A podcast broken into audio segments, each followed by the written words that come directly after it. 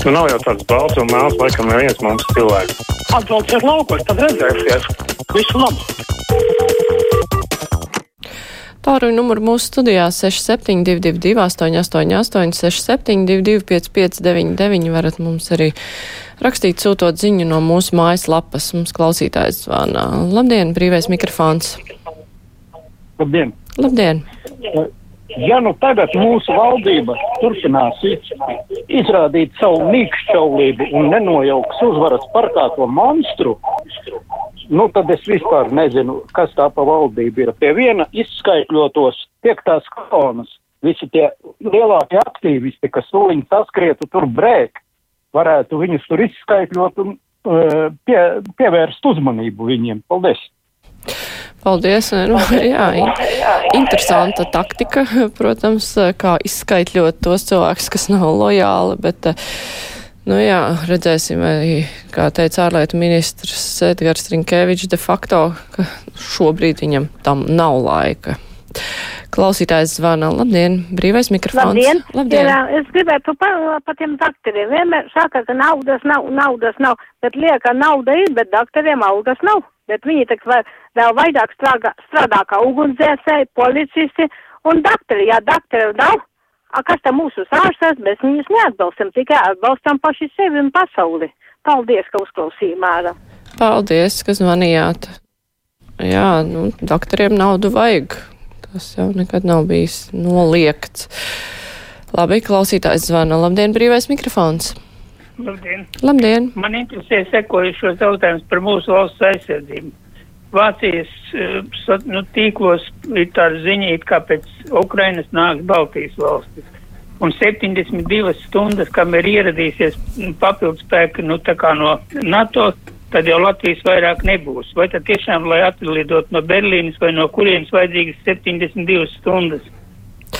Nu, tās 72 stundas, jā, es nezinu, kur tas tieši šis konkrētais skaitlis radās, bet atcerēsimies, ka šeit šobrīd jau atrodas NATO karaspēks, nav jau tikai Latvijas armija. Un, eh, protams, ka nu, tā ierašanās jau nav tā, ka plop un ierodas, droši vien, ka ir runa par kaut kādiem lielākiem spēkiem, bet nu, mēs, piemēram, tagad varam labi redzēt, cik ātri notiek tās pašas Krievijas armijas pārvietošanās, un nebūs jau tā, ka pēkšņi Krievijas armija uzradīsies no zila gaisa, ja uzradīsies. Nu, tāpat tas jau viss būs redzams iepriekš un attiecīgi var reaģēt. Klausītājs zvana brīvais mikrofons. Halo, Halo labdien! Labdien! Uh, man tāds ieteikums jums būtu. Kādreiz Krieviem bija tāda ļoti populāra dziesma Haķatļi Ruskie vai nī. Uh, tātad par to, ka vai sievas vai mātes gribētu karu. Un es domāju, ka tagad šī dziesma būtu ārkārtīgi aktuāli, tīpaši krievalodīgai auditorijai. Jā, būtu gan, bet uh, kā mēs esam redzējuši praksē, bieži vien cilvēki, kuri kā, no vienas puses apgalvo, mēs negribam karu, mēs negribam un atbalsta Krievijas karu Ukrainā, viņi atrod kaut kādus mums neticams argumentus, kāpēc atbalstīt. Tas ir normālam cilvēkam šķiet absurds, un viņš tam tic, jā, ka viņš nes mieru ar savām raķetēm. Tā kā cilvēku prāti mēdz būt visdi, ieņemt visdīvainākās izpausmes. Klausītāja Elga raksta, man ir tādas nelabas aizdomas, ka Krieva armija bombardē tieši Krievu biezi apdzīvoto Harkovu, lai saviem iedzīvotājiem pēc tam stāstītu safabricētu stāstu par to, kā sliktie Ukraiņi dara pār viņu tautiešiem. Es domāju, ka jūs neesat tālu no patiesības. Krievijā jau šis video ar milzīgo sprādzienu uh, Harkovā tika parādīts, un noteikti tas tiks uh, skaidrots, ka tie ir Ukraiņi, kas to ir izdarījuši. Tas turpat nav divu domu, jo jau līdz šim viss, ko Krievijas karaspēks ir izdarījis pret civiliedzīvotājiem, tiek pārvirzīts, ka to ir Ukraiņi darījuši. Un, ticiet man, tur ir papilnām tādi ļauži, kas to uzņems par baltu patiesību. Klausītājs zvana, labdien, brīvais mikrofons! Labdien! Pateiksimies Nelietim Putinam par ļoti labo iebrukumu Ukrainā, jo tad mēs esam priekšlaicīgi atbrīvoti no Covid ierobežojumu žņaugļiem. Pēkšņi sestdien varēja visi pulcēties koristi, dziedātāji, dejotāji.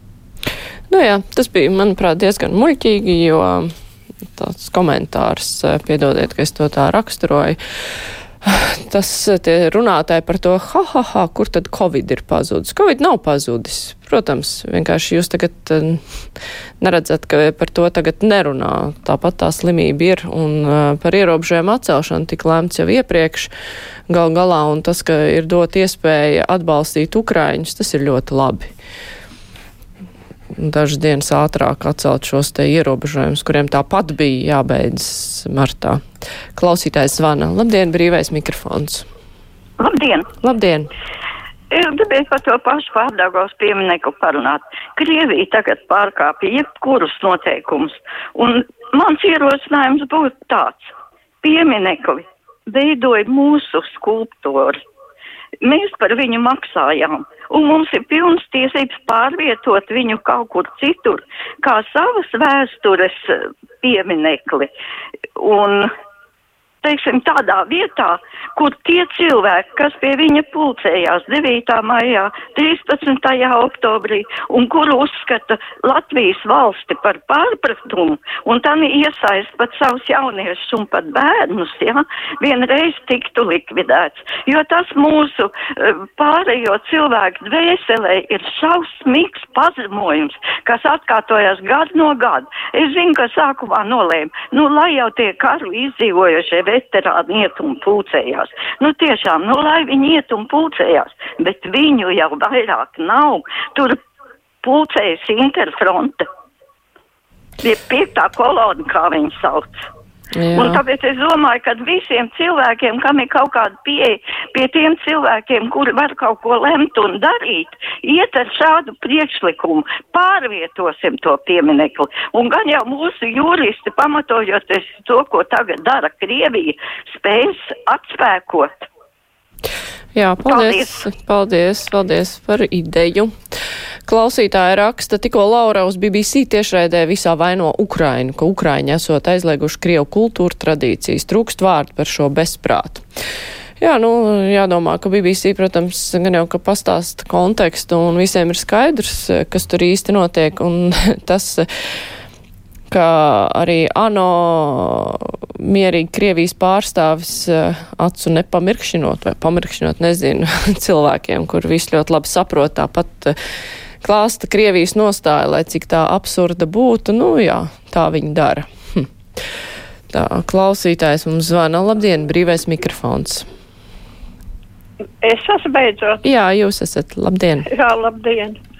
Nu, to jau vēl nevar zināt, kā viss beigsies. Šeit tā piektā kolona ir.